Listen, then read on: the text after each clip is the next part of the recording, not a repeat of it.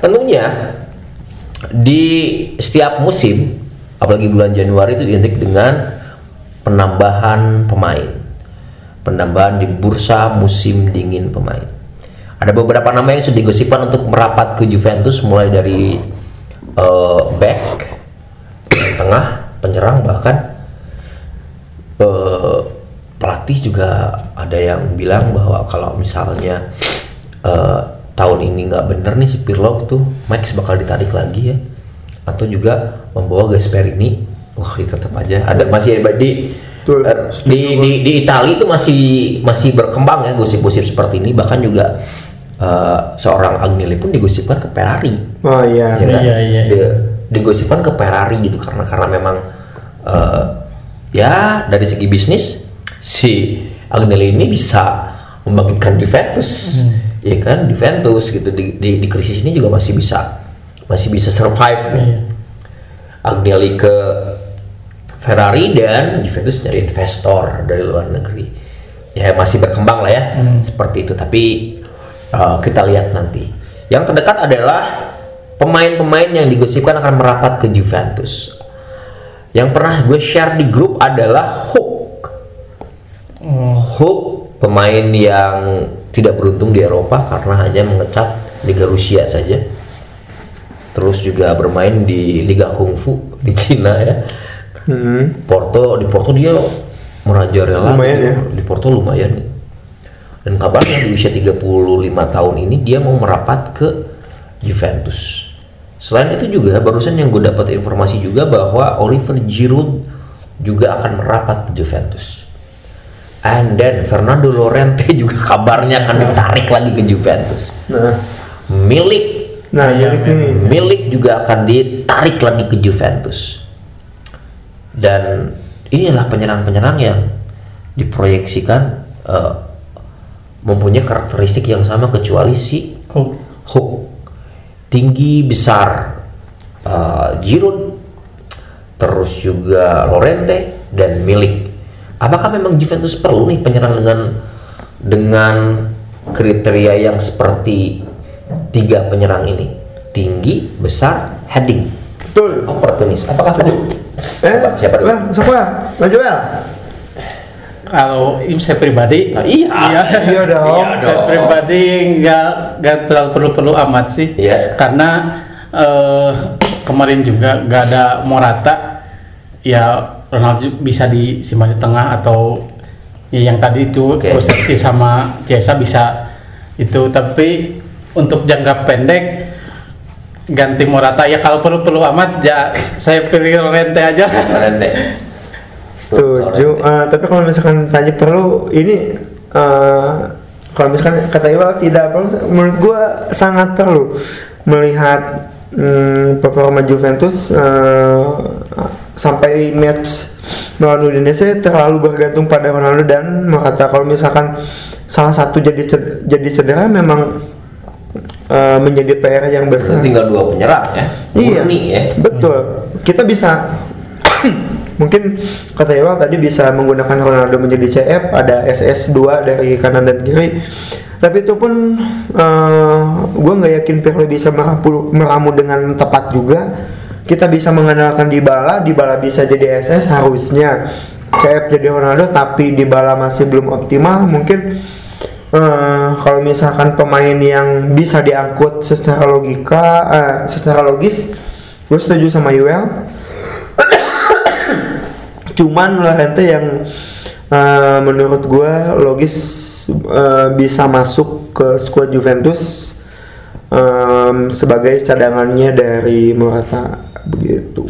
Oke, Eh, sebetulnya ya kalau misalnya gue juga setuju dengan eh, pendapat bahwa Juventus mempunyai harus mempunyai penyerang keempat, ya penyerang keempat. Tetapi ya kalau gue pribadi sih kalau misalnya Manjukic tersedia di la- di, di Nah. bursa ya mending Manjukic ya. Iya. Tapi kabarnya juga Manjukic lebih lebih, lebih merapat ke Bolonya kalau tidak salah Oh iya. dengan dua tahun kontrak atau satu setengah tahun kontrak dengan jaminan main inti ya karena di bolonya ya sah sih pemain Iya.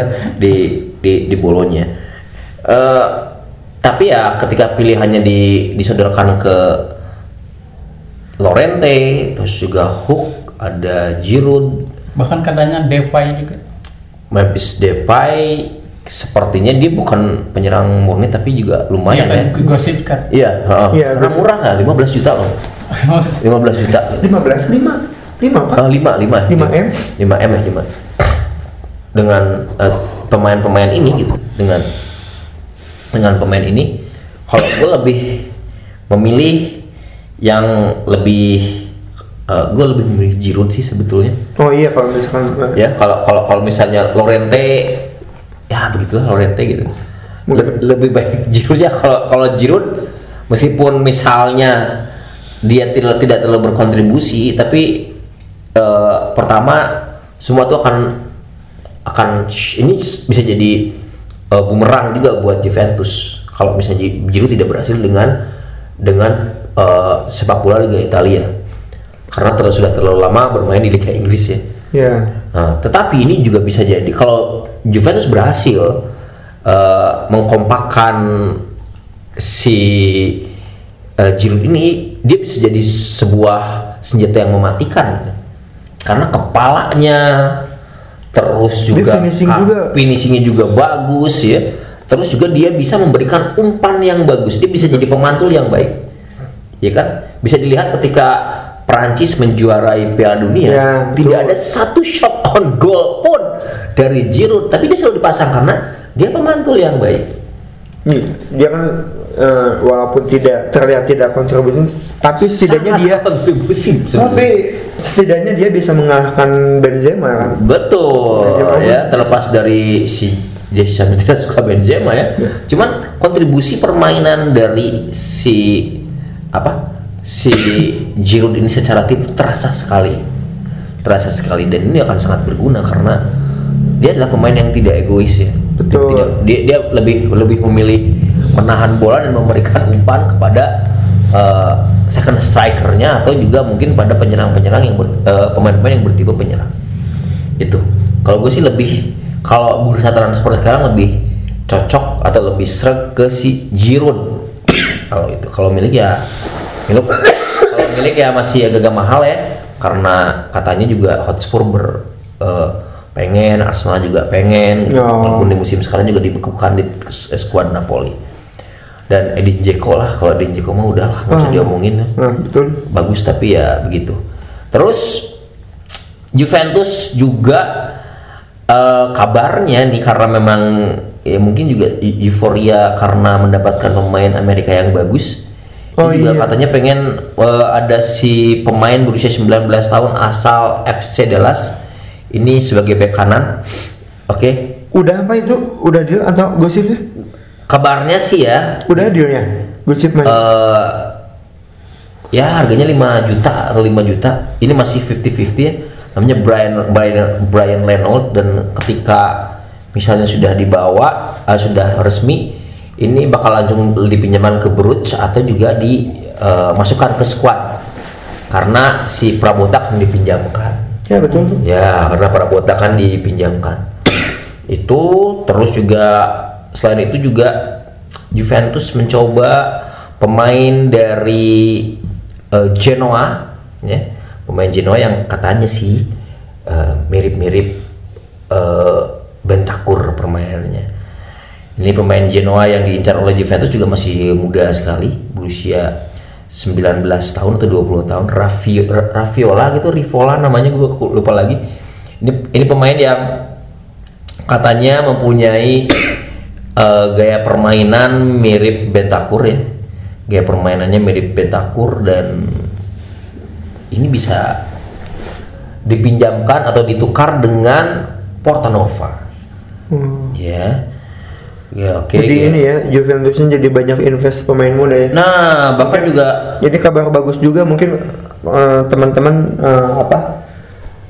Kalau misalkan Juventus tidak bisa menjuarai Scudetto atau apa pun kayaknya buat tiga atau lima musim ke depan kayaknya kita bakal lebih siap deh dibanding tim-tim yang lain Men- mengingat permajaan skuad dan lain-lain. betul, bahkan juga pemain Juventus yang dipinjam yang dipinjamkan ke Genoa. Pellegrini Oh, iya. itu juga kan diperpanjang 2 tahun Ya, kontraknya. Terus juga pemain Atalanta yang dipinjamkan ke Juventus Siapa? eh back tengah yang kemarin bermain dengan bagus juga di kontrak juga ditambah. Ya kan? Nah ini namanya dan Nicola Nicola Rovella Nico- Nicola Rovella ini eh, akan direkrut Juventus dan hanya 9 juta euro. Eh, tapi ya sebelum direkrut Rovella akan memperpanjang kontrak hingga 2021. Nah lalu setelah ditransfer ini akan bermain sebagai pemain pinjaman. Dan katanya mengorbankan Manolo Portanova itu karena Fortanova juga bermain kan di eh, tengah menyerang ya. Ada di sana ada si Ramsey ada Terlalu- terlalu susah jadi ya dipinjamkan lah ya dia adalah pemain yang eh, sudah mencicipi tim nasional Ajurini dari mulai U17, U18, U19, juga U21 juga iya. Bahkan juga si Rovella ini menjadi pemain yang eh, ditunjuk sebagai kapten U19. Oh, kabar baik. Dan yang lebih serunya lagi, kalau misalnya kita lihat eh, Juventus lawan eh, Genoa di eh, partai yang kemarin, yang mengambil tendangan bebas, yang mengambil corner adalah si Rovella ini. Oh, Karena ya itu tadi mirip sekali dengan si Bentakur. Kan juga bisa lebih hebat dari Bentakur. Pogba di eh Bentakur dimirip-miripkan dengan Pogba, ini dimiripkan dengan Bentakur ya. Ya itu. Tapi ada satu hal yang eh, sedikit mengkhawatirkan ketika Demiral katanya minta dijual. Ah, betul, Pak. Ya, itu ya. Itu. Karena memang Demiral pemain bagus tapi rentan cedera. Demiral kan dia kalau nggak salah mau ngincar satu tempat di apa sih Tim- tim nasional di, di Turki. timnas. Mm-mm. Dia kan setelah cedera, eh, sebelum cedera dia sempat bermain bagus. Mungkin dia berpikiran ah ini eh, sebelum eh, sudah cedera kayaknya gua bakal mendapatkan satu tempat. Ternyata dia malah kalah sama Danilo sama Danilo juga. Heeh. Udah gitu mungkin dia berpikir masih masih banyak saingan mungkin ya. ada ada dia harus mengalahkan Ciel ini dia harus mengalahkan Danilo juga tuh yang di mana dia semakin ke sini menurut gue gue agak menyayangkan Pirlo tidak memainkan eh, back yang menurut gue pribadi. Ini pemain tuh sangat sangat potensial. potensialnya lebih lebih lebih apa ya? Gue gue senang ketika Hogani out dia out di Juve dipinjamkan lah di- Dipinjamkan. dipinjamkan ke Lyon ya. Mm-mm. gue kira si Demira ini bakal eh, menjadi eh, setidaknya menit bermainnya menjadi bertambah kan tapi kalau melihat setelah ke sini ke sini pun menurut gue malah kok jadi nggak nggak dikasih kesempatan gitu. yang jadi masalah adalah di sini ada apakah misalnya Hmm. Eh, selera dari Pirlo atau memang ada hal yang tidak dimiliki oleh Demiral. Demiral mungkin kokoh dalam bertahan ya. Nah, Oke, bahkan juga nickname-nya ada Demi Demi Wall. Wall. Aduh. Demi Wall. Tetapi, ini ada tetapinya. Demiral tidak bisa berkontribusi dalam menyerang, sedangkan Nah, sedangkan Danilo bisa.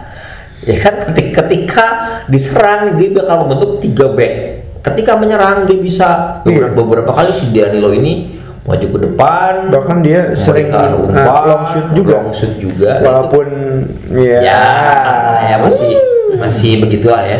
Nah mungkin ini yang menjadi pertimbangan dari seorang Pirlo. Iya, karena iya. untuk posisi back tengah murni ya sudah ada Delit yang notabene lebih bagus. Terus juga si eh, apa sih si Bonucci juga dinilai masih punya Iya. eh, pemain bagus selain dia orang Italia ya. Ya itu tadi yang yang eh, kenapa gue sorti istilah orang Italia karena Juventus memiliki skuad orang Italia termasuk yang ter yang tersedikit di liga di, di Serie A ya. Iya. Ya kan kalau misalnya tidak ada kebanggaan orang Italia ya sudahlah gitu. Siapa yang akan bermain? Tidak ada Italia murni di lini tengah Juventus atau di skuad Juventus selain si Bonucci. Bonucci. Otomatis cuma tinggal satu kan ya? Iya. ya kan? Tinggal satu di formasi inti. Nah ini. Ini menjadi faktor pertimbangan. Dem- Demi Wall secara kalau dibandingkan dengan eh, Rugani mesti Demi Wall ya. Tetapi ya mungkin itu tadi da- dari segi bertahan mungkin lebih lebih jago Demiral daripada Bonucci dan juga Alesan eh, sorry eh, Danilo tapi mungkin secara kebutuhan tim nah si Bonucci dengan si eh, Danilo ini lebih kontributif gitu. Karena itu tadi mempunyai bisa memberikan umpan-umpan dan ya cukup ya mungkin Viro berpikir, berpikir penjaga mah cukup udelit ya Bisa gitu. penjaga Tapi kalau misalkan mau mempertahankan Demiral, men- menurut gue pilihan yang bij- bijak dari manajemen daripada dia tidak eh, apa bisa dikatakan useless di Juventus bisa dipinjamkan untuk menambah jam terbang dia. Sedangkan kalau misalkan di Juventusnya dia tidak mendapatkan jam terbang yang banyak, ya setidaknya kan eh, bisa dikatakan menghambat pertumbuhan dia dalam apa ya berkarir dalam sepak bolanya gitu. oke Sementara Cerini juga udah fisiknya Iya. Nah, atau juga mungkin ya, mungkin Demiral ini dipinjamkan ke mana gitu ya? Ke Barcelona atau ke Nah, setelah itu ya setelah Celini out atau apa ya bisa di- dimasukkan. Nah gitu, Ya, nah, setuju sih kayak gitu. Iya kan? Jadi karena memang eh, faktor faktor X ya kalau menurut gue bilang ya di sini ada faktor X. Coba kalau misalnya dia orang Italia, sama seperti kenapa Berardi di, dipertahankan, Iya. karena dia orang Italia. Gitu. Walau akhirnya juga ada sebagian yang yang akhirnya daripada harus menggaji pemain mahal karena dia orang Italia dan akhirnya juga ada beberapa pinjamkan gitu seperti si eh, siapa nomor pemain nomor dua teh Mattia. Mattia Descoglio yang bermain sangat bagus ya di, di Lyon inti wae bro terus juga eh, di di Lille gitu di Lille itu di ya di di Lille nya si eh, siapa yang barusan disebutnya nomor 24 ya Rugani juga bermain dengan bagus juga lumayan gitu Re- Rennes apa? Oh di di Rennes, Rennes. Oh, iya. di, di Rennes di Lille ya pokoknya di dinya dia juga bermain dengan bagus. Sebetulnya ada win-win solution. Ya win-win solution. Cuman mungkin untuk tahun ini terlalu beresiko untuk melepaskan Demiral di bursa transfer Januari. Tuh. Karena posisinya dari Chelsea juga ya begitulah. Iya. Ya kan dia sangat rentan sekali cerita. Tapi nggak tahu nih kalau misalnya di musim panas. Di musim panas 2021 ya menjelang Piala Dunia, eh, Piala Eropa ya. Menjelang Piala Tapi Eropa. kalau misalkan ada penawaran yang yang menjanjikan sih ya Arsenal kabarnya sanggup membayar 50 juta Untuk Demiral. untuk Demi. 50 juta sih menurut gua Worth it lah ya. Iya. Oh iya satu lagi yang yang yang tadi lupa gue di Rumor-rumor Mesut Ozil juga ya. Waduh. Nah, sebetulnya kalau gue setuju sih si Ozil ya Ozil Ronaldo jadi top skor sebelum Ozil dijual juga kan eh, sebelum Ozil pindah ke Arsenal juga kontribusinya luar biasa ya. Ozil dengan trupas pendeknya gue rasa sih efektif ya daripada beli-beli apa gitu ya. Aku Untuk- sih iya. eh, untuk menggantikan Kidera ya kalau menurut gue mah cocok lah ya. Oh iya kayak dia kayak Iya, Kidera, Kasihan, eh. Kidera dijual ke Arsenal misalnya atau ke Everton, ini masuk ah, bakal lumayan lah ya. Ozil ya Ozil gitu. Dia dia tidak tidak dia tidak disukai bukan karena permainannya yang buruk tapi katanya dia pemain yang tidak disukai di eh, kamar ganti. Itu ya. Terus juga ada eh, politik lah gitu. Nah, Kepala gitu ya, politik dia eh, mendukung eh, maksudnya sih Erdogan dan lain sebagainya. Em, sejauh ini itu yang akan di bursa transfer ya, yang setahu gue itu ya di bursa transfer terlepas dari banyak sekali rumor-rumor seperti Griezmann, Sergio Ramos ya, Oh, karena iya. Sergio Ramos juga katanya kontraknya kan habis tapi memperpanjang lagi. Oh panjang jadi? Perpanjang katanya. Terus juga eh, siapa lagi yang kalau rumor perumoran teh katanya juga akan eh, ngebawa si Isco. Nah, terus Hazard juga katanya ya. Pokoknya banyak katanya ya. Emerson Palmieri yang nggak jadi jadi dan masih banyak lagi pergosipan eh, di Juventus. Tapi ya itu tadi yang gue bilang eh, rumor must go on, tapi bursa transfer akan segera ditutup. Tergantung kebijakan masing-masingnya. Di bursa transfer eh, kedua ini biasanya lebih pendek daripada bursa transfer musim panas. Iya. Kalau bursa transfer musim panas setelah liga bergulir seminggu atau bahkan juga kalau Inggris kan masih tetap berlaku ketika masih sama liga Inggris itu masih berlaku kalau kalau di Inggris di era di transfer musim panas. Nah kalau Italia masih belum ada info terus jujur kalau misalnya ada teman-teman Juventino yang tahu eh, per hari kapan ditutupnya bursa transfer ini bisa langsung eh, di mention ke kita ya. Ini karena kita suka berinteraksi dengan para Juventino seluruh dunia ya. Oke. Ada lagi coach sejauh ini setelah transfer? Kayaknya udah deh. Kayaknya udah ya. Nah. Dan sekali lagi bukan Juventusnya yang jelek, tetapi Juventus seperti males bosan juara ya. Bosan juara. Bosan. Bosan gitu.